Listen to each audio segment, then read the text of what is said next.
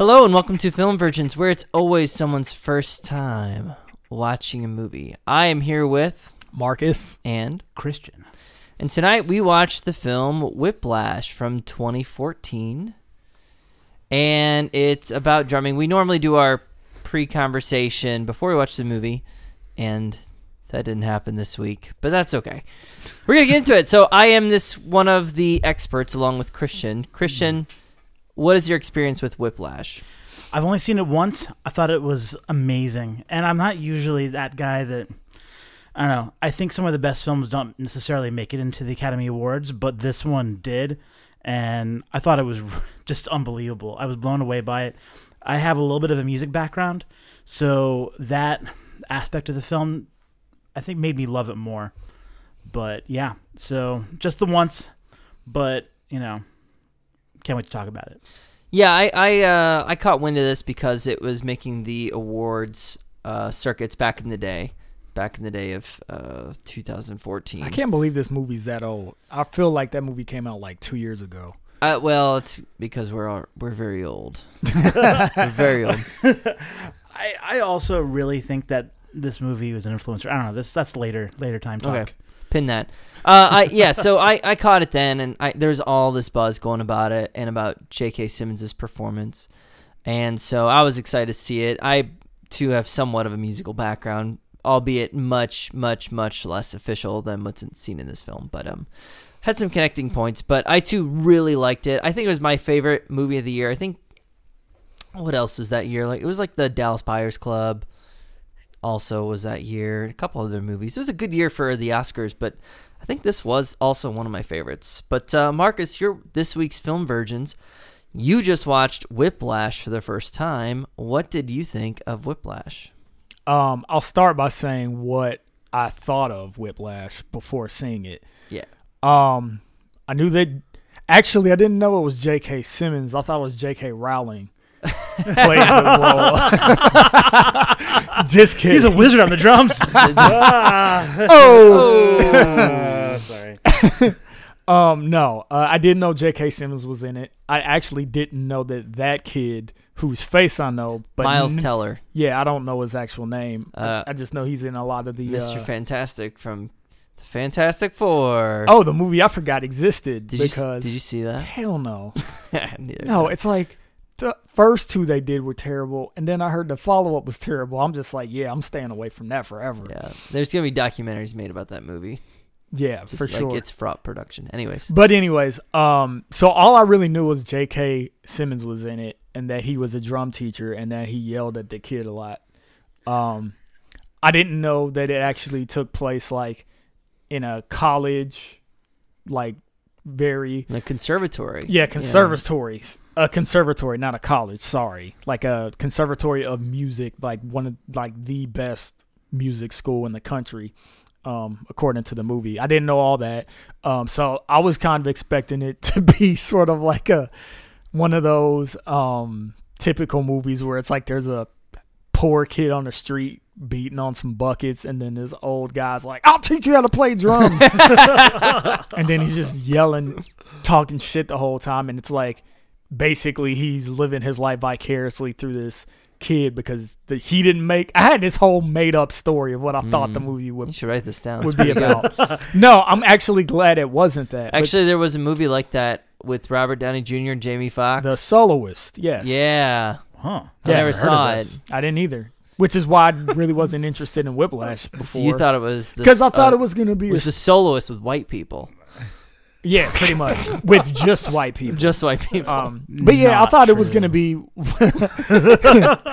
I thought it was gonna be one of those, um, one of those movies, which is why I wasn't excited about it because it's just like, oh, okay, we're doing this again. Just like there was always the underdog sports movie or the Mhm. you know white person saves the ghetto movie. Um, but it wasn't that. Disney makes one of those each year. Yeah. They really do. Good for them. But no, I was uh pleasantly surprised that that wasn't the case. I'm glad that this it followed just a student who actually was going after this and wanted to be great. Um, I thought it was really freaking good. Hmm. Honestly, I was kind of nervous about watching it just because, like, I mean, I like serious movies, but the older I get, the less and less I watch stuff that's really dramatic and like overly hard to watch. Just because it's like, man, I don't have time to be bummed. Like, Yeah. I'm just, I'm too fucking busy, you know. So it's like, you know, give me something provoking, but like make make it have aliens in it or something, you know. Like I need some, de- I need degrees of separation so I don't take it too seriously. You know what I mean? But anyways, um, so that made me kind of nervous watching it, but all in all, I'm just like excited to watch about it because there's a lot to talk about. This is a really, really well done movie. It's freaking good. Before we get in deep, let me go through some vitals. Uh, it's directed by Damien Chazelle, which is his freshman effort. It- Damn. It, was actually based on he had a short. He came up through like a music conservatory and had some crazy professor, and so he just wrote like a super extreme version of that.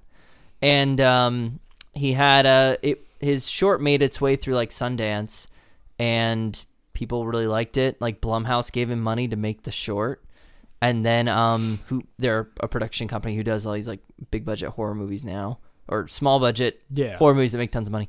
Anyways, um, and the short was super successful, did well at Sundance, and so he got a bunch of money to make this movie. That's awesome. Actually, J.K. Simmons plays the same role in the short as well. nice. So, Man, some actors are cool like that. Some actors are just like, well, I'll do your little indie thing.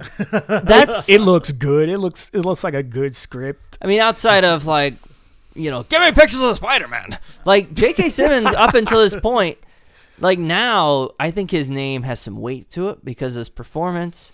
He got an Oscar nomination. I, he, I think he won it. Didn't he win it? Oh yeah, he, won. it. Fuck yeah, he did. Yeah. best supporting actor. So like now his name has some gravitas, but up until this, it's like oh, who's that State Farm guy and uh, J. Jonah Jameson from Spider Man. Like he did a lot of The bit. guy from Portal Two. Yeah, he had like a lot of bit work, and this is, from uh, Legend of Korra. yeah, all kinds. he's in like some episodes of Party Down, that Starz show. Like he, he was, he wasn't doing anything great. He's in tons of stuff, working, very successful, very good. But goddamn, this performance. So, um, had a budget of three million dollars and had a box office of fifty, and the movie looked great. I think the cinematography is good. Production value is really there. Like it does not look like a three million dollar Three movie. million is nothing. Three point three to be, to be fair. How much did you say Split was? Was that nine? Okay. I'm guessing Because one of the things, and I'll be interested to know what you think about this. One of your turnoffs for Split was that the movie felt small. I didn't necessarily think it was a turnoff. However, I felt the same way about this movie being pretty small, which is probably why it only cost three million dollars. Um, I didn't have that same feeling. At least there's, I think there's more settings in this. They all might be theaters, but at least there's various theaters. Um, they go out, they go to the movies, they go out for pizza. Well, the whole movie doesn't take place essentially in like three Sure. places I didn't. F- I mean, over the course of a few hours or a handful of hours. right. I don't think this movie is meant to give you a feeling of claustrophobia, though it might at, in moments give you that feeling. Um, but I think Split was intended to. Um, I didn't think this movie felt small. I thought Split did, but that's also part of its intention. So it's hard to know where to draw that line between like, yeah, you're supposed to feel that way versus like, could this have been better? Um, that's a hard line. I just remember it's Split. The reason I said that I don't want to talk too much about Split, but there's a moment where he walks outside, and it's like, oh yeah, this whole movie Mhm. doesn't have to take place, and that was like a a different feeling that I noticed in that movie. Whereas in this movie, although it is like it's pretty much shot in a practice room or a couple of practice rooms and a couple of theaters for the most part, I never got the feeling like, oh, we're outside again, Mhm. like I did the split. So I guess that's why I wouldn't levy this criticism personally. But uh, yeah, it did have a third of the budget. Jeez. Yeah, I was right about that. Yeah. Uh. So Christian, what is the plot of Whiplash? All right, Whiplash is about this drummer going to a college, a conservatory called Shaffer, which I, I'm thinking is a thinly veiled Juilliard. Because whatever college it is, it's in a conservatory. It's in it's in New York, and he he wants to play drums. He wants to be a great. This is his life's ambition is to be remembered and be the greatest drummer of the age or one of the greats. And uh, he latches on to this conductor, the uh, the uh, what was it? Concert or no uh, studio studio band? What is it? studio. I think it was studio, or band concert. I, It was studio. Studio, yeah, yeah. So, um, kind of gets his attention and is vying for this spot through most of the film of a core drummer, which basically means first chair. Um, and he spends basically, I don't know. I want to. Should I spoiler? Should I spoiler it yet? Uh, no, let's go spoil. Uh, this movie's too fucking Yeah. good to yeah, spoil. yeah, yeah. It's We're doing Yeah. spoiler free the whole episode. No, no, just, Oh, just for time. yeah, so that's pretty much as far until you start spoiling. It's yeah, this dude wants to be a drummer, has a girlfriend, and yeah, that's it. Who's played by Michelle Benoist? You guys know who she is? Nope. Supergirl. CW's Oh. Supergirl. That's why I don't know Yeah. who she is. I think yeah, that's why I don't remember. She's a cutie. Yeah. Eh. Agree to disagree. All right. Any any other thoughts? Because I I don't. I mean, do, sh- any other thoughts beyond before we get into spoilers?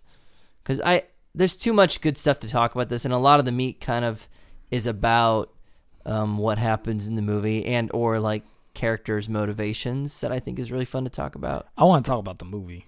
So if you haven't seen it, we're about to spoil some shit. Yeah, yeah. Go watch go watch Split. Turn this a Split. God damn it. What'd you do to me? Also, watch Split. watch Split, then watch this, and then watch something happy after. Yeah. this is Hey, yeah. this was happy. I watched We'll talk about that. get a palate cleanser. Uh, yeah. All right. Spoilers from henceforth. Um, so I don't want to dig. That's t- too far in. Somebody else start. Somebody else start. Christian, you're an expert. Go. Whoa, Like I the got blood, man. What- what are some- I love the about. what are- blood. It's about later in what the are some things? What are some uh, like high level things that you really love about this movie? Well, okay, so I joke around a lot about the meta movie, the movie made about Hollywood by Hollywood, with the actors bleeding for their craft. And it's worth noting the Academy Award winner from this year, Travis's fave, Birdman, in which the Hollywood, you know, whatever, well, it's more Broadway, but where they suffer for their craft. And we travel down psychosis lane with them as they you know slip into dementia whatever but in this case our stars it's still entertainment right? But these are jazz musicians. And we see him literally bleed for his craft. I and i thought that was mesmerizing. I love it. And there's something about his portrayal of it. I, I actually didn't think of Teller as particularly great. I thought he was good the first time around, but this time, I have to say, I, I was a little bit more impressed. I still don't think it was an all star performance, but I think he was pretty damn good. And, you know, you can see that anguish and that suffering in his face, you know, that desire. I love it. I don't know, man. I might put it up there with All Star, and this might be my ignorances to jazz music. Even though, ironically enough, in high school I was in a jazz band, What'd you Um, play? trombone. What? Yeah, I was in jazz band, marching band, pep band, stage band, concert band, uh, symphonic band, No pit shit. orchestra. I did all this You shit. stay in tune?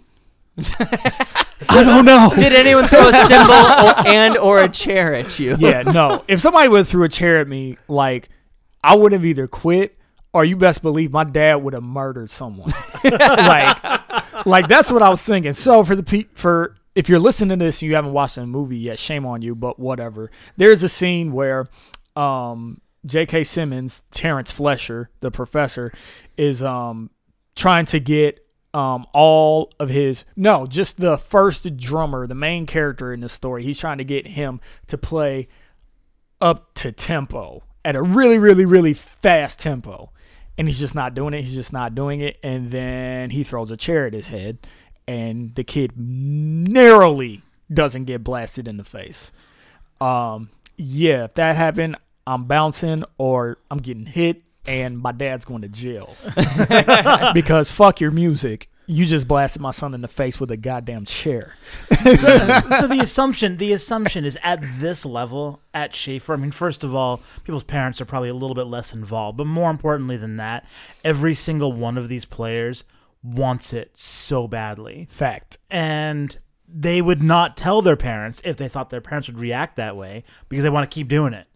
hmm That is And- very true. Yeah, like it's just this is that all star level, and th- this whole thing, the entire movie, the the tone of it, the the message, everything is about how do you cultivate greatness. That's the entire question Yeah. of the movie. There's actually a conversation about this very topic towards the end of the movie. How do you cultivate greatness? Do you do it? Is there and Miles Teller's character Andrew asked this question: Is there a line? Right, but you know, a lot of people would say throwing a chair at one of your pupils is over the line. Right, I, I would probably agree with that. But the claim here from uh, you know from J.K. Simmons' character is that there is no line. Right, that's how you cultivate greatness. But you know, the, presumably every single person in that band is there because they want to be great and they'll do anything, they'll suffer any indignity to be great. hmm It's it's really interesting, especially at the end, because and I hate jumping to it, but I just this is the the question that I left the first time I watched it and the second time I've watched it is at the end. J.K. Uh, Terrence Fletcher basically sets it up to humiliate uh, our protagonist, right? Andrew. Andrew. Yeah, he sets him up to play in front of all these important people, and he doesn't give him the music. He basically sets him up to fail and fuck up and be humiliated. Something to note this is a concert where apparently there are a lot of people in the jazz music industry there. So he gives a speech to the whole band before they go play and says, like, this could be great for you or this could end your career because, you know, you got people here with Blue Note, you have people here with some other thing that I can't remember what it was. It was an Some other record label or something. Yeah, Yeah, it was acronym Or and he was saying like you could get signed and then he also said like but these people don't forget so if you mess up you might need to find a new line of work and then he basically gives our, yeah, he basically fucks over the drummer because, uh, because of the chair throwings and the intense. Uh, I'll use abuse in quotes. I guess it's pretty abusive. It's abuse. It's abuse. it's definitely abuse Christian is. if Let's come, you, let's you- come back to that. if you want to say it's justified or not i think that's a different question Let's come back to this. So he, so he sets him up for failure, right? But Miles Teller, he's he's he fucks it up and he walks off stage, and he has his moment and he hugs his dad, Paul Reiser, who we haven't mentioned. Good to see Paul. I don't know. yeah i mean Yeah. when he when i saw him i was like what He hugs him and then he's like, "No, fuck it," and he goes back out and he plays his ass off, and it's great. And Terrence Fletcher recognizes how great he is eventually eventually or does he or did he always know he was great and he just needed to bring it out of him he needed to properly motivate was this an elaborate ploy to bring out the best in someone or was an act of humiliation or which is my my favorite part or it did Terrence Fletcher make it so that he wins no matter what. In that he can either a well if i humiliate the kid who got me fired awesome.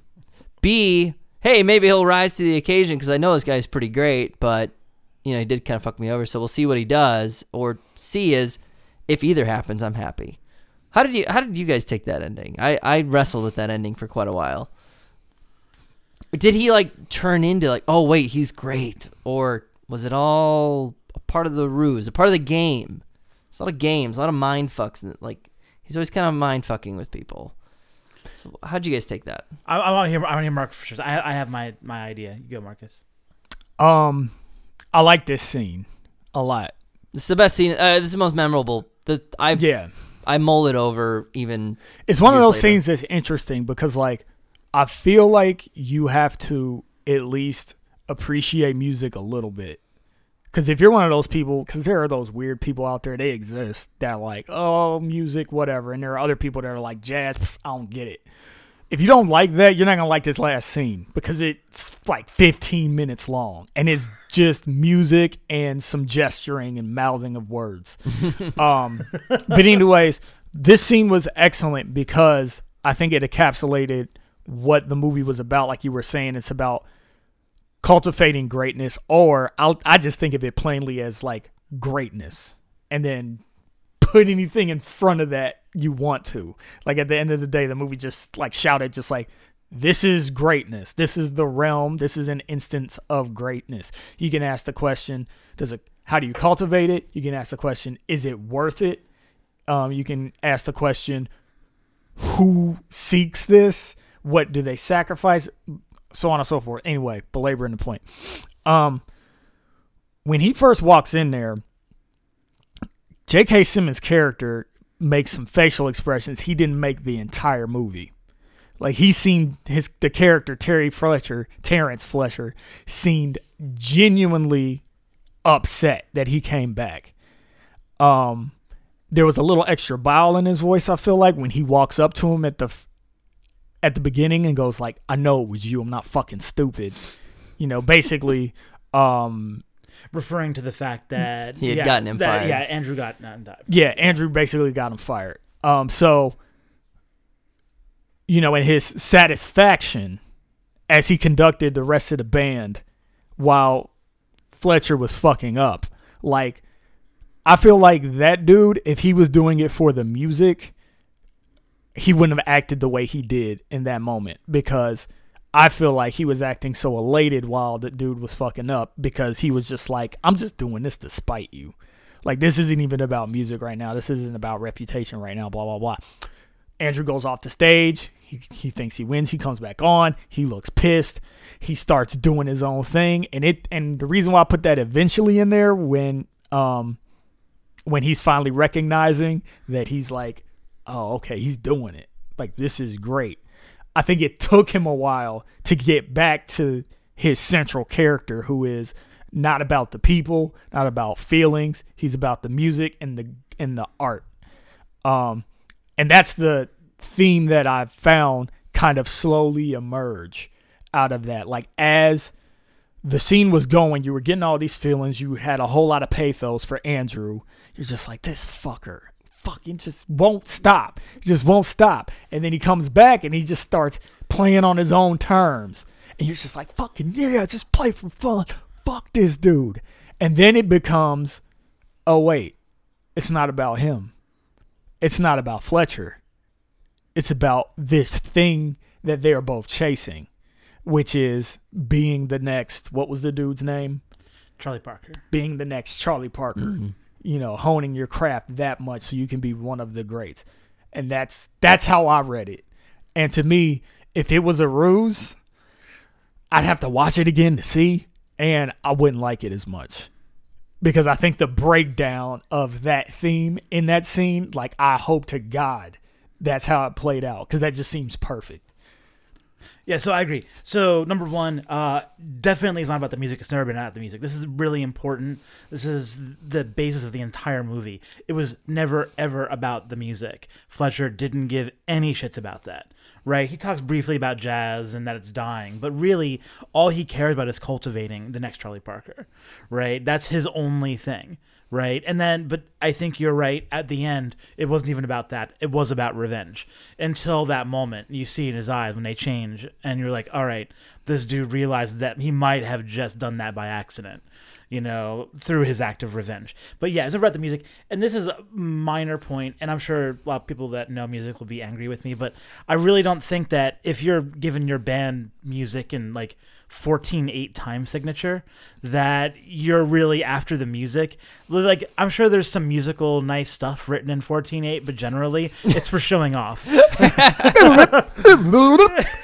Yeah This is the the eponymous track "Whiplash" in 14 eight sided, which is just ludicrous.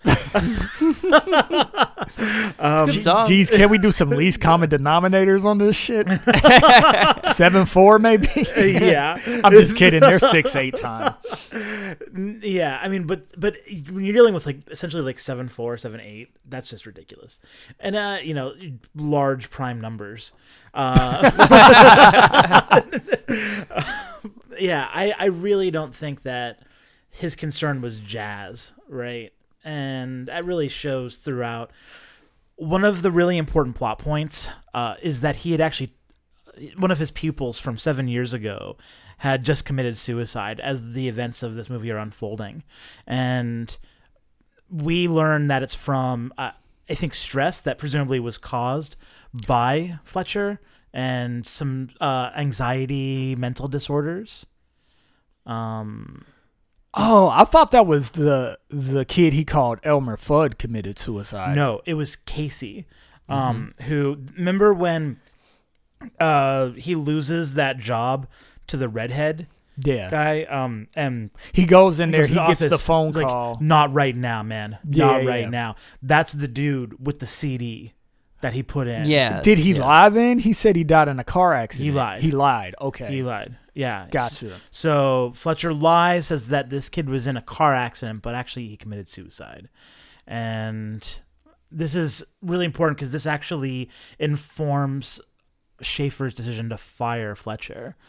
And we, as the audience, have to imagine we think about the consequence of cultivating that greatness. So when there's that conversation about the line, that's one of the factors that informs our decision on the line is what is the toll it takes on the people who don't make it.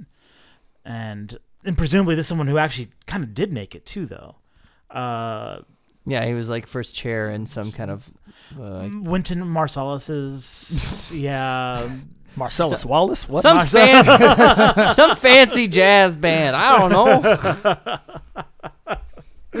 yeah. So Mm. I think your guys' read on that is right. I think the first the first time I had that question, this time is a little more apparent. I think you guys are dead right about it. it's it's about both of them were walking in there to fuck the other.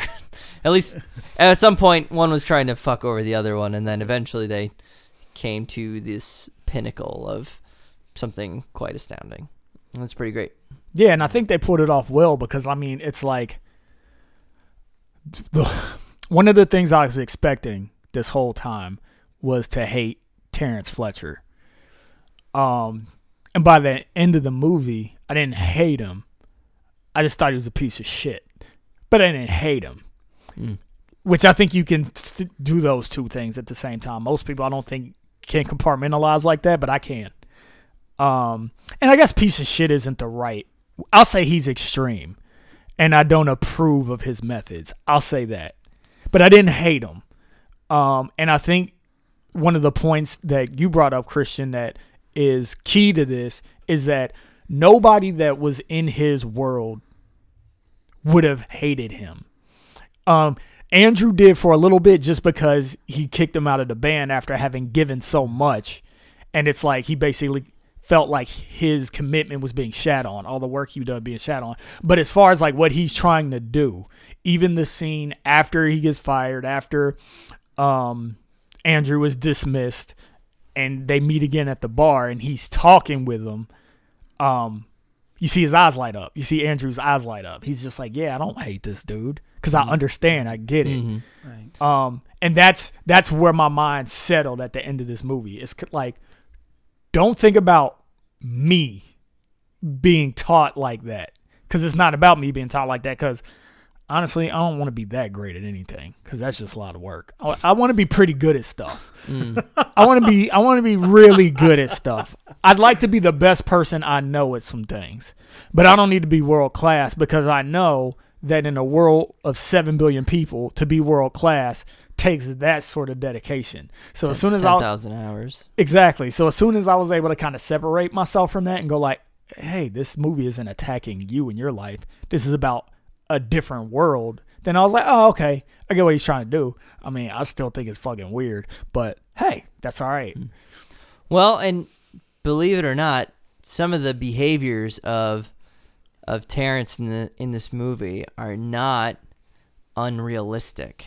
Oh no. And I have a friend, Kurt, who will provide us some real examples from his experience as a collegiate uh, major in drumming here.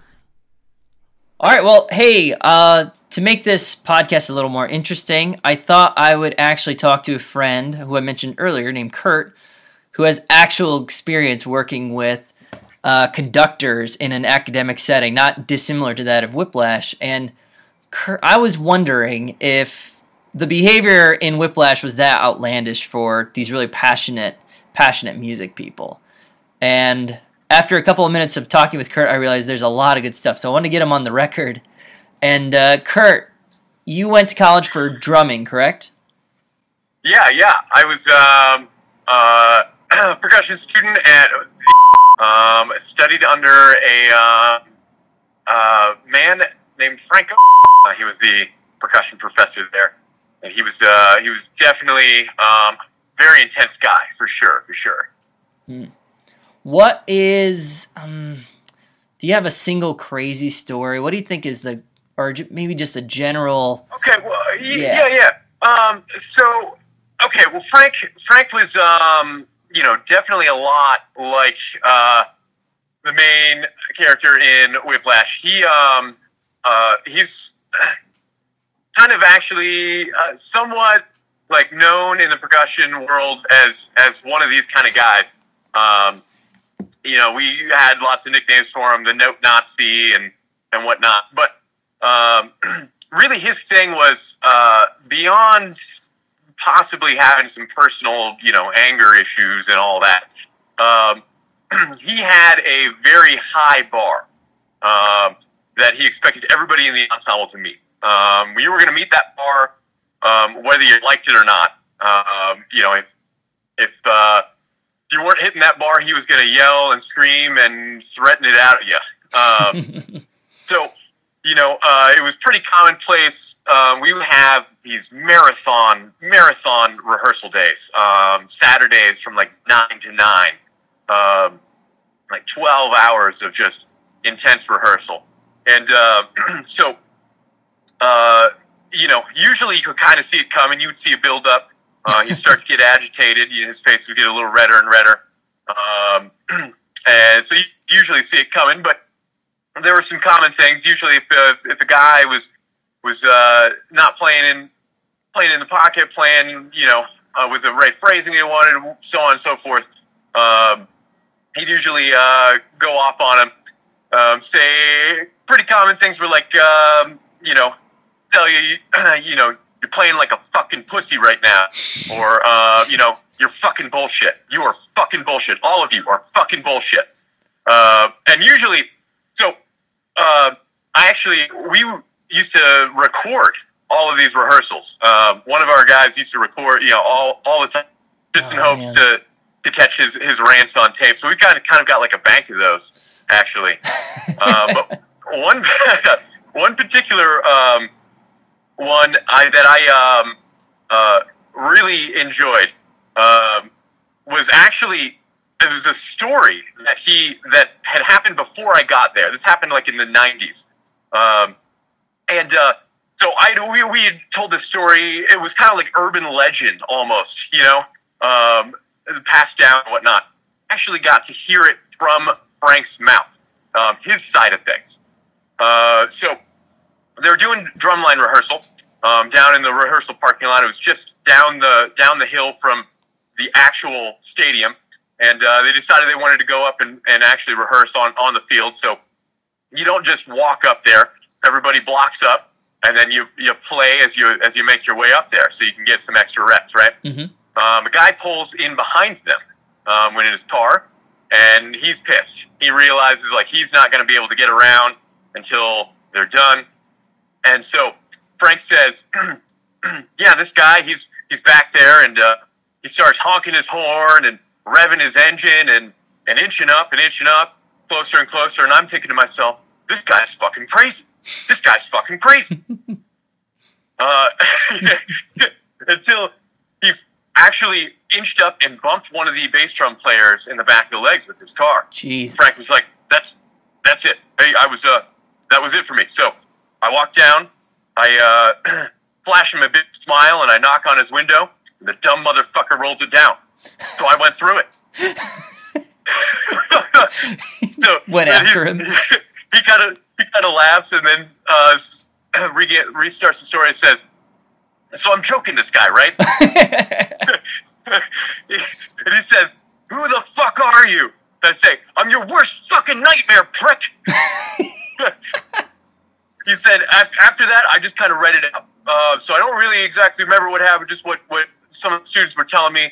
You know, everybody kind of you know pulled me out of the car, and everybody threw the drums down and gathered around the car. And at one point, I'm saying, "We're gonna flip your fucking car over. We're gonna flip your fucking car." And so uh, he's like, yeah, it was on a Friday. You know, on Monday then, uh, I got the call and I had to go, you know, meet with uh, the vice president and the provost and stuff. Uh, and they were like, now, Frank, you can't be doing this kind of stuff. If you wouldn't have, if you wouldn't have went through his car window, we could have pressed charges. But now he's threatening to press charges. So what we're going to need you to do is go in person, deliver him an apology. And Frank says, okay, I can do that. But let me make one thing clear. If I had to do it over again, only thing different I would have done was I'd have fucking choked his ass dead. Oh, fuck. And they're like, okay, maybe just maybe just write out an apology and we'll put it in the mail. that isn't the only time he went through a window, though. No, no, definitely not. Uh, he was he was banned from um, banned from the local Arby's uh, because he yeah I can't I can't even.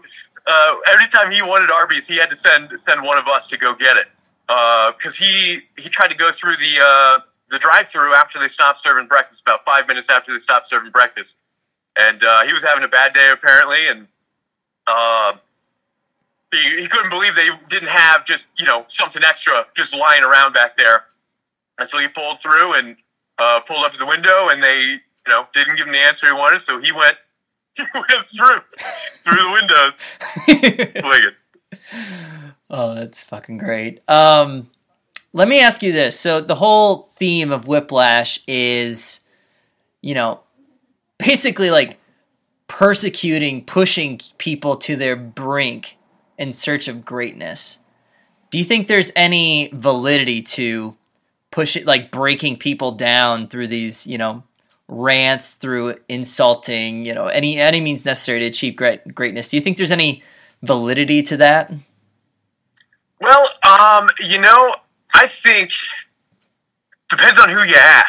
Um, you know, uh, Moorhead, we actually had a couple couple professors that had totally different teaching styles, um, and so everybody was kind of like, you know, they had camps. Uh, there was, you know, some people were on Team Frank, some people weren't. Um, I will say this: the Frank's ensemble, those ensembles that I played, those percussion ensembles, his ensembles were bar none, by far, the best, tightest, cleanest ensembles that I've ever played in. Um, he he demanded a level of of performance, a level of approaching perfection, and nothing less would suffice. Um, and so, you know, he got results. Uh, I think that's you know why his uh, his antics were were tolerated for you know his whole 35 year career there uh, is because he produced um, just some stellar stellar music, stellar musicians. Um, you know, watching it from my side of things, there were some some people who really thrived under that. Um, some people when he when he would call them out personally and you know tell them that you're fucking bullshit. Um, the next rep, they you know would really stand up and be like, you know what? No, fuck you. I'm gonna I'm gonna fucking nail it this time. I'm gonna show you that I can play this. Hmm. Uh, but on the other side, there were people that couldn't handle it. Um, you know, there were people that that dropped out of the studio very quickly after after seeing this a couple times. You know, um, so I you know I think there are personally I think there are you can get to that level without that kind of um, aggression and animosity. Uh, but there's no um, no denying that that it worked for him. Very interesting. How did this um, professor's career end? Oh yeah. Uh, so um, it actually ended a semester after I was out of Moorhead. Um, they were preparing for a uh, um, uh, international tour to China, and he called everybody into his office to have a, a meeting. And um, I think they had had a pretty poor rehearsal uh, over the past like couple of days.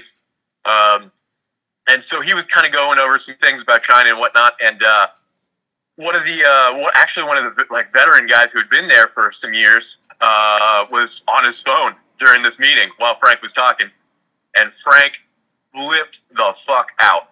Um, started yelling, screaming at him, and eventually uh, took his tall back to leather desk chair um, and chucked it across the room at this guy. Shit. Uh, and uh, somebody, of course, got it on cell phone video, uh, which is, you know, that's probably, he probably wouldn't have lasted 35 years if there were cell phones that whole time. Right.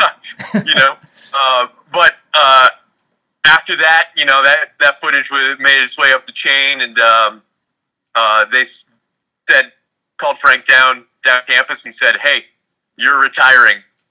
Like, now. You're retiring. um, and consider it a gift uh, that that we're not, you know, firing your ass. right. uh, yeah. Wow. Well, thank you so much, Kurt. Like this, I don't know. For me, as somebody who doesn't have uh, access or insight into this world, I I didn't know how much of uh, the character was exaggerated, and and it's really fun to see how he. I mean, he might be exaggerated. He might be slightly larger than life, but there's a lot of truth uh, in the story Absolutely. that's told in Whiplash. Very cool. Okay. And we're back. Thank you, Kurt. that was amazing. No, he is, he had uh, some really good stories to tell, and uh, I want to make sure those are in there because I don't have a lot of experience with this. Like, I don't, I, I, I don't know anything about jazz music. I, I uh, listeners, I'm a guitar player. I play in like some rock bands. Okay, great. I can't read sheet music. So like this is a totally different world. Even though I kind of get on a most very very basic level music, I can't really connect with this world. But um, I was completely engrossed in it. I was actually having some Phantom Thread f- flashbacks this go around because it is a world that I I don't really care about. I don't really listen to jazz music.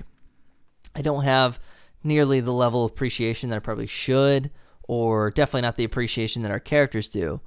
But I found myself deeply, deeply invested in the subject matter because I cared about the characters in this movie. And that's Phantom Thread is about uh, women's high fashion in the 1800s. like, I care way less about that, but like a movie that can grab your attention like that and make you care about a subject or a world that you don't, wouldn't, shouldn't care about uh, is something special. And I think this is a special movie. Agreed. Yeah, Yeah, I mean, it's funny because um like I said, I was in band in high school. Um but I feel like in a way that almost alienated me from the movie more just because it's kind of just like god damn. Like I kind of realized the difference in level Mm. specifically. And there are certain things when they're looking at that sheet music and when they're just like rattling off um, you know, Bar 13. Exactly. And then you're all of that stuff. you see 13. the time signatures, you see the key signatures, you see like all this stuff. Like knowing what that is vaguely is just like, God damn. I kind of understand keenly what that level is like. And I mean, I don't even have it in crystal clear view because I'm sure there are people that are really, really, really, really talented and good. And this movie was still exhibiting a level beyond that. So it was almost kind of like, and when I say alienated, I don't mean I wasn't able to enjoy the movie as much as it made me incredibly insecure, but that could just be my own self esteem issues. I mean, I think it's an interesting point. I think all three of us understand music just enough to know exactly how far above us they are. I think there are some people that don't even understand how far below they don't even have a way to gauge it. I think all three of us know enough to know exactly the chasm that separates us from Andrew. Mhm. They had uh they brought on all like all professional players for the studio band scenes. Those Oh, are, of like course. actual players, Yeah. right? And uh It shows. and J.K. Simmons was just I mean, he was doing they were really emotional. Like they there were a lot of moments that I think they cut out where people were very very uncomfortable by his performance. Um wow. Especially as a dude that it's like he doesn't know shit. Or Mhm. I assume he knows way less. It looked like he was playing the piano for real in the bar scene or the jazz club scene. Oh, I don't know about that one. I couldn't. I Um, couldn't tell. I can say that that that piece was not as challenging. Oh, it's no, it totally wasn't. like even if he's like a mediocre like pianist, he probably could have done it. Right. I'm just trying to cover my bases. Like, if, if I don't want to say he doesn't actually know nothing, if he doesn't, if he knows a little tiny bit, Yeah. because he might know a little tiny bit. But I did. The only part of the movie that I was taken out of was that I was, for whatever reason, maybe because um, I'm gonna name drop a little bit here, but I have a cousin who's a bass player who was in um, Don Cheadle's Miles Davis movie, Miles Oh. Ahead. Um, and he like told me about the whole process of like them, you know, interviewing people in the area because they filmed in Cincinnati. So it's like when I saw that scene, I'm like, yeah, all of them play for real. Hmm. And here you have an actor like kicking the shit out of them, you know, verbally and sometimes with a smack on the face. And it's just kind of like, this is hilarious. Cause it, cause it's like, yeah, you have to act like this dude is the shit. Like this dude actually has the musical authority Mm. to like tell you that you're flat and tell you that you're doing it wrong and call you sorry people faggots um non-stop just It's repeatedly brutal. yeah brutal Absolutely brutal. Um trigger warning like if, if you're triggered easy you might not want to watch this movie um but uh Apparently, he was really nice after they said cut. Oh, he was yeah. really. He's like, uh, it was explicitly writ- the director was saying that like, he had to be nice to make sure we didn't have like a toxic working environment. for real but and I just bring that up because if if you read about some of these actors and the the real method actors, they would have to be that guy all the time to give that kind of a performance. right. And they would, and I, actually, if you watch uh, whatever the Andy Kaufman documentary on Netflix, it's all about how Jim Carrey had to be Andy Kaufman all the time, and he was just it was just an excuse to be a total prick to everybody, and I fucking hate it. yeah. And it's always refreshing to just hear a story about somebody who's just an actor and it's pretend, and they're super good at it, yeah and so they can be a normal person when the cameras aren't rolling. I I found that very refreshing. I love Daniel Day Lewis as much as the next guy, but it's kind of douchey. Yeah, gonna Just- method the shit out of this. well yeah i mean it's that whole thing you can be good at what you do and not be an awesome person or you can be good at what you do and be an awesome person some people can be really good at a thing and don't have to be a dick about it other people they just for whatever reason they can't do be that a dick about it. yeah it, you know, to to the listeners, if you ever get a chance, there is an interview with Thomas F. Wilson talking about Eric Stoltz uh, in his brief Oh, tenure yes. as Marty McFly on Back to the Future. Listen to it, That and is it's so about fucking this. funny. it is hilarious, and it's about this very thing. But you're right, though, and you have a whole bunch of professional musicians being cast for these roles, right? And you have a total budget of three million dollars. The likelihood, overwhelmingly, is that these guys were paid nothing. So unless that environment was fun and enjoyable, and uh, you know, after cut is called, you know, it's not overbearing. They're not going to do it. They're just not going to do it. They're going to leave. or they're really troopers because one thing that I did notice throughout the movie is that like you know he kept saying like let's have fun or just have fun. Nobody in that band looked like they were having fun. no, No, they did. They did before. They they. Okay, so one of the things that I love about the movie is the first time you see the band, they're walking in. It's eight fifty six, and they're walking in. They're getting set up. They just seem like college kids. They're laughing, they're telling stories, they're just moving things around. And the moment he walks in, it's eyes down, right? The trembling starts, everything is really weird. But these are these seem otherwise like well-adjusted normal people, which is interesting. But what? I, but you see that spackling, spackle Yes. through the movie. Yes. So what I'm saying is, at no point were they in band mode, even when they won the competition, and Fletcher is like, you know, like accepting applause, and then Yeah. puts his hand up to like the band. They're all like, "Hi, hey guys, we Yeah. won. hey."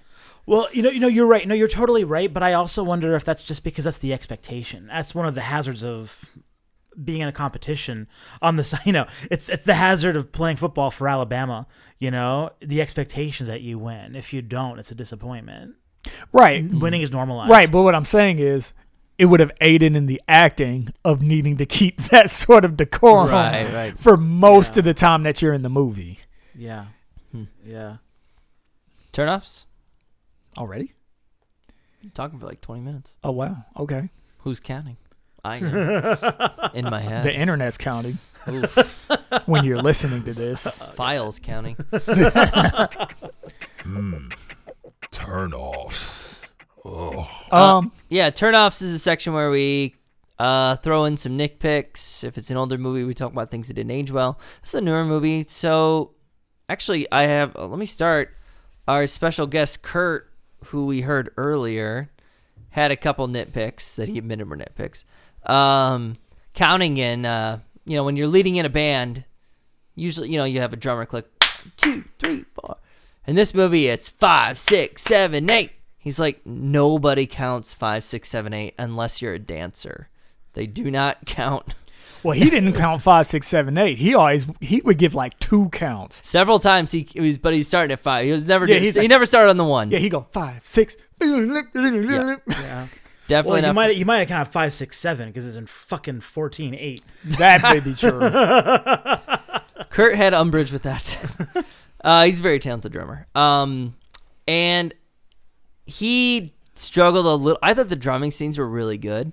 I don't think um, uh, Miles Teller is probably as good as what the movie shows him to be. There's probably some. There's definitely some cutting going on.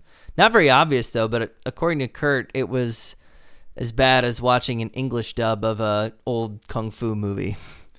Okay, this was Ouch. this was my point that I was going to say words, earlier. his words. was I thought he gave a good performance, but that could be my ignorance It's definitely my as, ignorance. as not a jazz drummer because to me it was like you know the wool was pulled over my eyes. I was like, yeah, this dude seems good, and particularly the scene where he's like has to play faster, faster, and Fletcher's like, don't slow down, don't you slow down. Mhm. And the scene drags on and on, and this is after hours of playing, and he just seems like he's in sheer agony. It's like I was wincing watching that scene, physically wincing.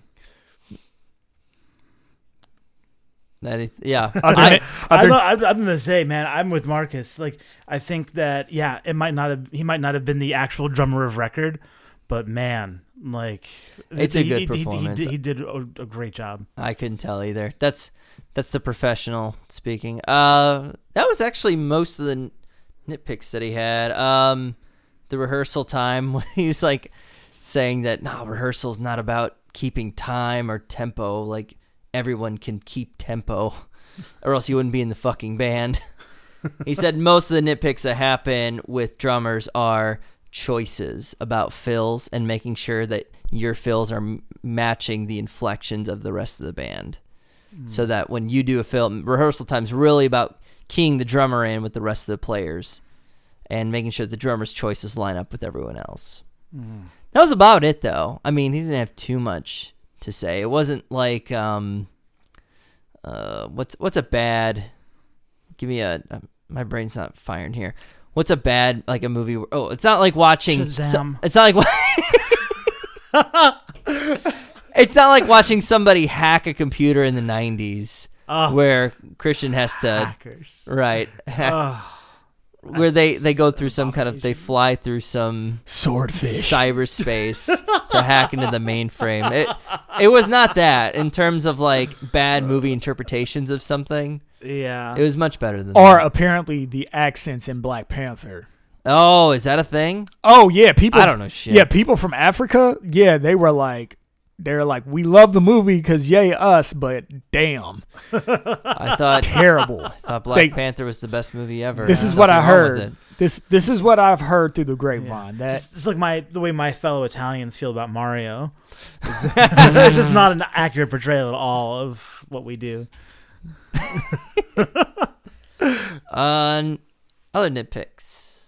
um, I got one, and this is um overall, man. There's not a lot to nitpick of this movie because the subject matter is not like I'm not an expert on it, so I can't really complain about that stuff. And um, I feel like a lot of its choices, as far as what the movie chose to pay attention to and what not to pay attention to, was great. Um, so the only thing that bothered me a little bit was that final scene where you know they're having their bonding moment where um, Fletcher and Andrew both kind of are over themselves and they're about you know the great performance. Um, they were doing this thing, this back and forth thing, where you'd see the drum fill, and then they'd go back to Fletcher, like you know conducting drum fill, back to Fletcher, drum fill, back to Fletcher. That was happening at lightning speed, and the camera, the choice that they chose was for the camera to actually do quick pan back and forth and back and forth I did notice that. and it couldn't keep up. There was no way for it to keep up. So maybe if it would have done it once or twice, it would have just kind of been like, oh, okay, they're just trying to, mm-hmm. you know, elicit feelings of freneticness because that's that's kind of, there's a lot of energy going on right now. We're supposed to be lost in the moment with them. But after a while, it was just kind of like you can't keep up. Like don't keep going back and forth like that. I don't know what I'm not a director, I'm not a DP. I don't know what choice you should have made there, but that bothered me a little bit. Hmm. I I really I did not like no, that's not true. I like them. I just think the girlfriend scenes could have lifted right out. It's literally four scenes and they total up maybe three minutes. I think they're trying to tell a narrative about having to abandon things that are important to you or something like that. But I think it felt short. I think it fell short because it didn't engage me to think like, oh, this girl is really great for her. It's like, or great for him. It's too bad, you know, he had to dump her. I, I don't know. Like that's what they want you to think. I think that's the narrative. But you have really four scenes: is asking her out at the movie theater, getting pizza with her, and kind of criticizing her choice in Fordham, and then breaking up with her pretty suddenly because he's too busy. And he doesn't want her to get in the way of him being the greatest drummer. And then the final one where he's just on the phone and discovers that she has a boyfriend. And that's it. It's total three minutes. I just think it lifts right out. Um, I, I I know they're trying to do. I think they could have done it in better ways. They could have maybe dialed up the stuff with the dad more. Um, I, I think it gives you a little a little view into his headspace. I think there's a couple of moments where it's just an opportunity. It's actually more of an opportunity f- to for us to view him in a different light outside of the context of the rehearsal room to see just maybe how kind of focused he is. I mean, because um, but do you? I I agree though. Is that necessary? Like we see him bleeding on the cymbal. You know, I think we get that he's dedicated and that this is all he cares about. But I guess they threw that in there just to kind of re-emphasize that. Well, I guess for, read. for me, like that actually didn't bother me. And when I was saying the things that they chose not to focus on, that's one of the things I was thinking about in particular. Because as soon as he asked her out in the beginning, I'm like, oh, they're gonna have this whole awkward thing where it's like, it was our anniversary and blah blah blah, and they chose not to do that. I like that they included it kind of so flippantly for the same reason that I like that they included that um, him going to the movie theater with his dad could have lifted out, but it gives you insight into who his character is and how close he is to his dad, which I think at the end of the movie gets paid off with that hug before he goes back in and you know decides to get his own revenge. Yeah, but you're anyway, proving my point for me. No, no, the no. dad stuff was good. It all and it ties in with the rest of the movie because they're constantly hitting that. And I mean, Fletcher discovers from the early, like early in the movie, that that's a button for him and reinforces it. You know, as he's playing, as he's failing. Oh, you're going to be like your failure dad. You know, Right. This is why you're on, and like so you reinforce it throughout the movie. It has huge emotional res- resonance. The girlfriend, they don't do that.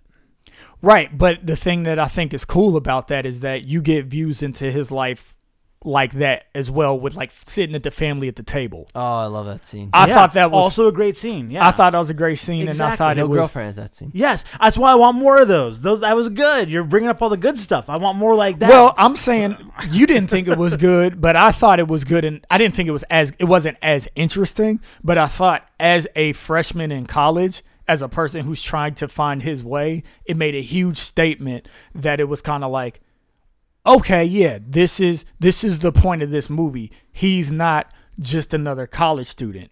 And the fact that, you know, he is kind of a young boy who notices girls, finally gets up the nerve to ask her out because he was feeling confident after he was led into the band. Um, and then however many months later, he's just kind of like, Oh, I figured this out. Bye. Mm-hmm. I feel like that does a lot to establish who he is because you got to remember this kid is 19. Like he's in a world that's new to him and he's still trying to figure it out. So having the girlfriend in there kind of reinforced that idea and made me feel like, oh, I remember what it's like to be in college. The experience that I have and a lot of students have, he's saying, fuck all that. Now the scene at the end where he like calls her back and she has a boyfriend now, fuck that scene. I didn't I didn't think you needed that because I feel like the point was made with the girlfriend when he was just like, Yeah.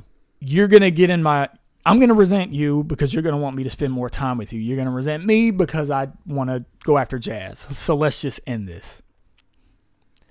Anyway, that's my argument for the girlfriend being in, included in the movie. Were the scenes as interesting as the others? No, I don't think so. But they connected with me. Okay, so this is this is an aside. Did you guys hear one of the band members said something? I- You hear it very slightly in the background. One scene, like I don't know, like a foot fetish or something. Did you hear, did you hear that? I could barely hear what they were saying. Right, but the more I think about it, I think they might be talking about Andrew, and because the girlfriend mentions it, like, man, you look down a lot, and Oh. then someone else in the band says like, I have like a like a foot fetish or something like that. It was just like looking down. And he actually gets to it really bad. The reason why his career kind of comes to an end, uh, among other reasons, is he gets into a very bad car accident on the way to uh, an important gig, and it's, he's, he's looking down at, at his phone, and a truck cuts, you know, a truck crashes into his car. Oh, dang. And so I wonder, I just wonder if that's like if there's all like I don't think he was looking down at his phone because he was yelling on his phone when he got hit. Oh, he was like, "Tell him I'll fucking be there," and then he gets hit.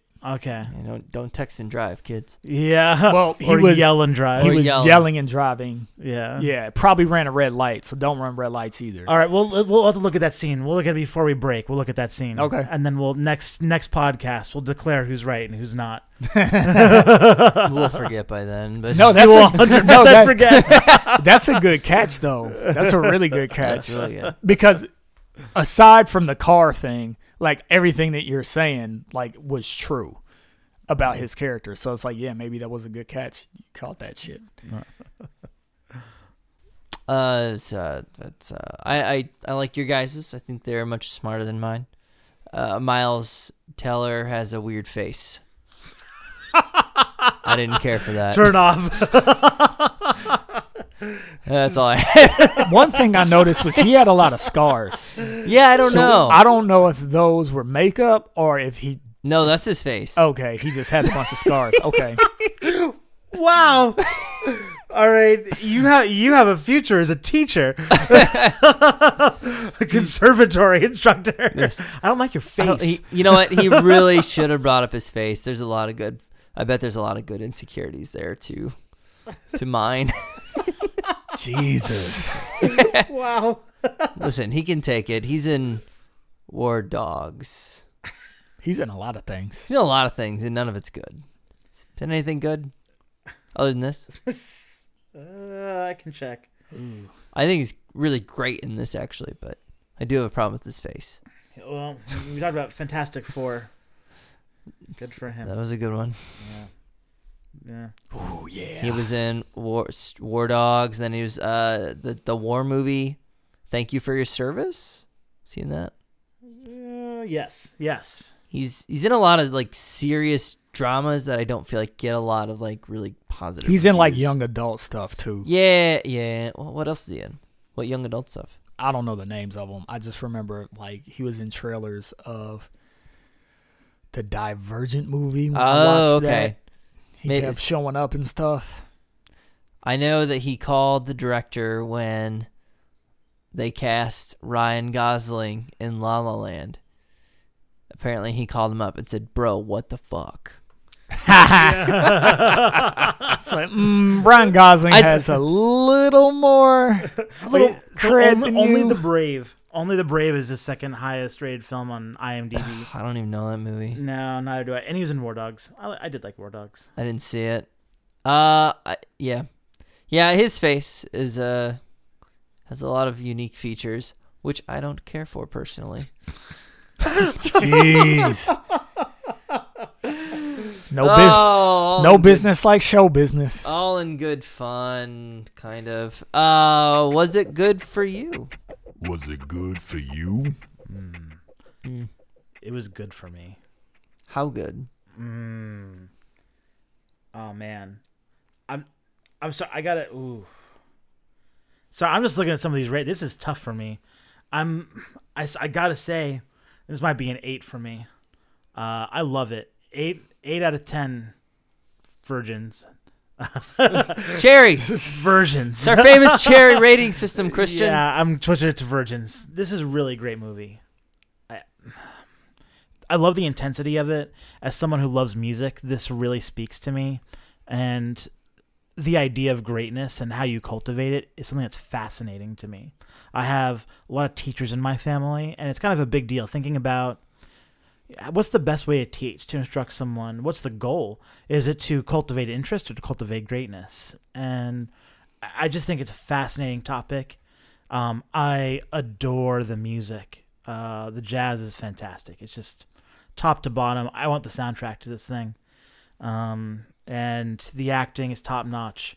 Uh, we said it over and over again. I mean, Teller was was very good, but J.K. Simmons deserved that Oscar. I almost kind of feel like he deserved the Best Actor Oscar. I don't know. He felt like the lead to me, but great movie. Eight recommended for anyone who likes music at all, and anyone who likes good cinema, and anyone who wants intensity in their movie, something to wake them up, shock them out of their stupor. Hmm. Marcus. This is hard. Um, I'll since it's hard, I'll start off with uh, recommendations. Um, this is a good movie. Honestly, I rec- I recommend it to anybody who isn't sensitive because I think that this is just a good movie, and for all the reasons that Christian said, it's worth watching. I just echo those. Music, fucking excellent. Um, I'm not even a jazz type person, but this shit was just good. Um, acting amazing, pacing amazing, script amazing, everything about it's amazing, and amazingly shot.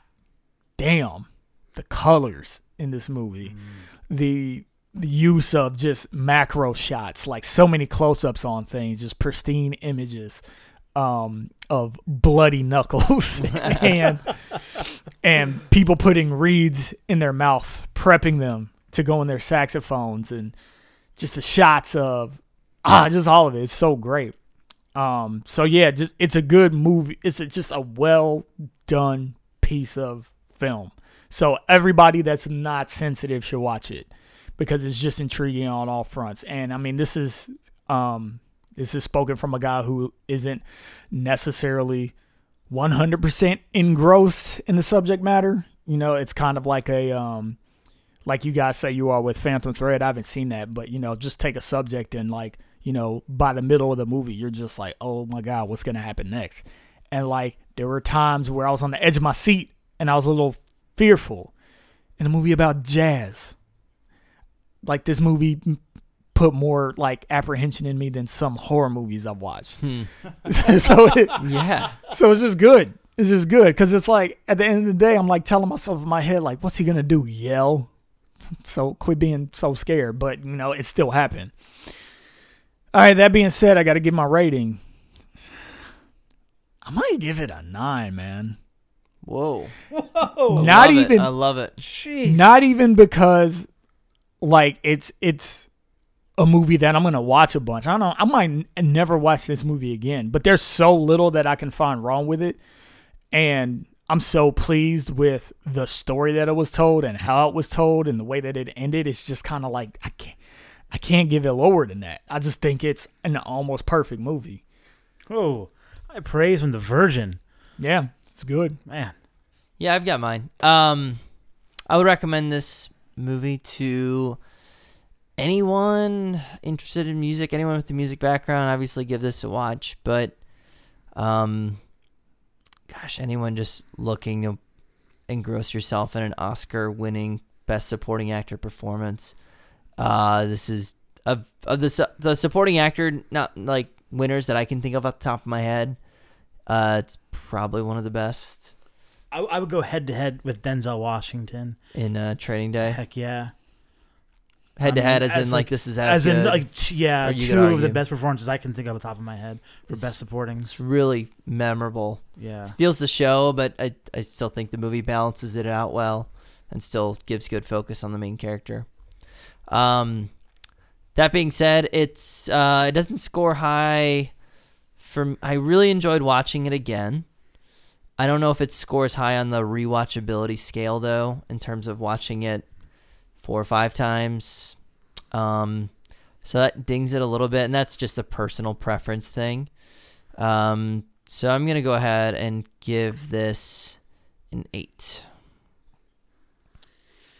All right, so this score is an 8.33 on our scale, which places it as the second best movie on our list, right behind Revenant, and just ahead of Quiz Show, Mm, which respectively had an 8.7 and an 8.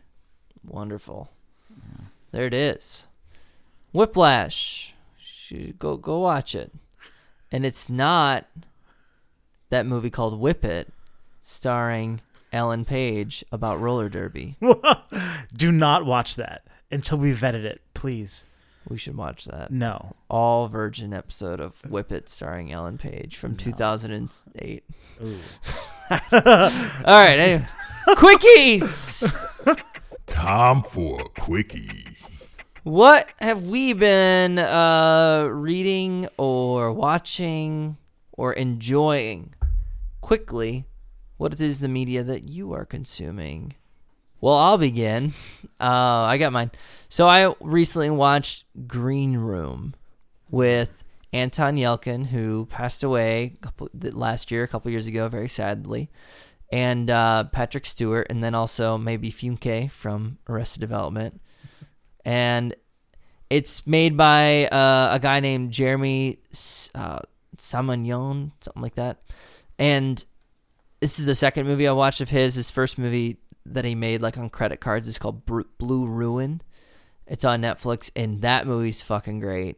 Uh, I haven't watched it in like a year, but I watched Green Room because I knew he made it, and I really like the first movie. And this movie is as good, if not better. It's tense as fuck, so tense. It is. Um, it's a brutal movie. I won't lie, but if you just want to feel something, I mean, I love. We talk a lot about our emotions in movies. The worst movies are the ones that you just walk out and you forget about. The best ones are the ones that you think about for hours after you watch it. And Green Room is one of those. The emotions and the roller coaster ride it puts you through sticks with you. And he's got a new movie coming out that's going to drop on Netflix in June. So we might have to do an episode in the future for either Green Room or uh, Blue Ruin. What's Green Room about? Green Room is about. Uh, yeah, I didn't say that. Gre- Thank you. Uh, Green Room is about a low end punk band that is on the edge of the punk scene and they don't have social media because they're like raw and real. They only put shit on vinyl, bro. So they end up, they're out of money. They're siphoning gas from other cars to keep their tour going. And they run out of fucking money and they have this one tip for a show and it just goes really bad. And they're like, dude, you screwed us. We're done. And he's like, well, uh, I know this one place that you can go. And it's like 300 bucks cash matinee show. And they're like, all right, we'll do it. It's out in the middle of Portland in the woods of a Nazi uh, skinhead like bar. and inadvertently, one of the band members witnesses a murder. And that's the movie. I I'm- think you told me about this actually. uh, I just I might have said I want to see it, but I just watched it for the first time this weekend, and it it's it just goes from there, and it's it's awesome. So Green Room, uh, Blue Ruin is like the most realistic revenge movie ever committed to film. It's wonderful how realistic it is and practical, like to almost to a fault. like uh, it's it sacrifices some maybe some production value or like climaxes in the name of realism. It's pretty great. Um, Blue Ruin, any movies by that Jeremy guy, he's great. Those are my quickies. All right, I'm gonna go. Uh, just because we're talking about jazz, thinking about jazz right now on my turntable, I have Kurt Rosenwinkel's. Uh, I don't know how to pronounce this. Capy, uh, C A I P I. Uh, Kurt Rosenwinkel is a jazz guitarist. He is awesome. Discovered this guy a few years ago, and had listened to, among others, his album Heartcore, which was produced by Q-Tip of Tribe Called Quest but Kurt Rosenwinkel is just a monster. Um, and I just I love probably more than just his musicianship is his composition, just beautiful music. Anyway, he came out this album last year, Caipi, and I love it tremendously. It has I don't know how to say it, like a Latin or South American flair to it, and it's just it's a beautiful album. So if you get a chance to listen to it, it's not your standard jazz. Some of the stuff that he's done is I don't know, pretty kosher jazz, but you know, Heartcore has a little bit of electronica, hip hoppy feel, and Caipi has that kind of south of the equator feel, and I love it. It's just he's so good about bringing other stylistic elements and rolling them into jazz and making something unique and fun. So if you like jazz, listen to Kurt Rosenwinkel, especially his most recent album, Caipi. Well, I should have went first because you guys are classing it up with your jazz albums and your non-mainstream movies About skinheads. about skinheads and murder. Um, me and the wife this weekend, this past weekend, we went and saw Pacific Rim Uprising. Oh shit! And if you know anything about me, which you might not, I love me some Pacific Rim. Well, I claim that it's film high class cinema? No. But it's a movie that you go see to see enormous robots punch and shoot the shit out of big monsters. And Guillermo del Toro art directed it. So it gives you everything you need. the first one. The first one, it just gives you everything you need. Second one falls a little short. It's alright. I mean, I can't act like it's bad if I'm gonna compare it to the first Pacific Rim, because surprisingly enough, it wasn't really that bad of a movie for being in the genre that it's in. But the problem was the robots were cool, the fights were cool, but not enough spend a lot of time talking. They spent a lot of time trying to, and I won't say that the p- plot was complex because it wasn't. It just had a lot of points in between to get from A to Z. First Pacific Rim didn't have that many points. It's kind of like set it up, go do it. I'm gonna put a lot of action in there for you. I'm not gonna worry so much about the talkie talkie and the figuring it out, even though it's in there. This one spends a lot of time with the talkie talkie and trying to like reestablish what the world is like after kaiju. And it's just like don't do that. Like make the robots fight. Because when they did it was cool. It looked cool. I was actually pretty pleasantly surprised. Um but yeah so it was all right. Will i watch it again? No. Because the whole time my wife said this too it just makes you want to watch the first one. Because they just like they just pull off the enormity of these freaking behemoths and the slow fighting and then when you're in the cockpit watching the pilots like freaking drive these things and you have to have two pilots because they're connected to your neural paths and they're too big one pilot can't do so you need two and they're in there and they're just rough and it just looks like chaos And they stand on an elliptical. they stand on an elliptical well in the first one. In the first one, it's like this elliptical. it's an it's an elliptical thing, but it looks like it's rough on you. Like it, it's very like jolty, like staccato motions. They're really on ellipticals in this, and it looks dumb. Hmm. it looks so dumb. Oh no. There are two scenes where they're like running because the thing that's dumb is is like these things move slow, right? Well, they move fast comparatively comparatively to us as far as like the Size. distance that they cover in one footstep. But if you're compare comparing their actual turnover, like one foot over the other, it's incredibly slow. So in the movie, they time all of the actions of the pilots with that. So the pilots look slow too, but the way that they get away with it is that it looks really hard to pilot. So it doesn't look like they're just being slow. It looks like this is tough. And that's why they're not moving like at human speed. And this one, the Jaeger is running, the mechs are called Jaegers. And they're just like, one, two, one, two, we gotta get over there. And they're like pumping their arms, looking dumb as shit. it's just like, oh, so stupid. So like all the little itty, a lot, I won't say all, but a lot of little itty bitty things about the second one is just it didn't carry over into the next one. Um, so that's unfortunate. So it's like if you like Pacific Rim, I mean, I guess go see it once because the robots do look cool, and there is Jaeger on Jaeger action in this one, which you didn't get in the first one. And I have to admit, those sequences, those were dope. Those were actually really, really dope, and I was pleased with them. But like, you know, if if you don't need another one, just go back and watch the first one. It'll give you everything you need. Thank you so much for listening. Uh, check out our Instagram, which is Film Virgins Cast, and also we're on Twitter. Uh, check out our episodes mostly every week, and you know it's a tough schedule to keep. Are we are we caught up? Do we not have anything backlogged now? Who can say? I have been Travis. I'm Christian. I've been Marcus. Come back next time for more sexy movie talk.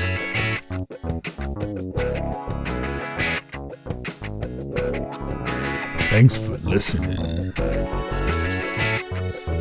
Subscribe and look for our next episode next week.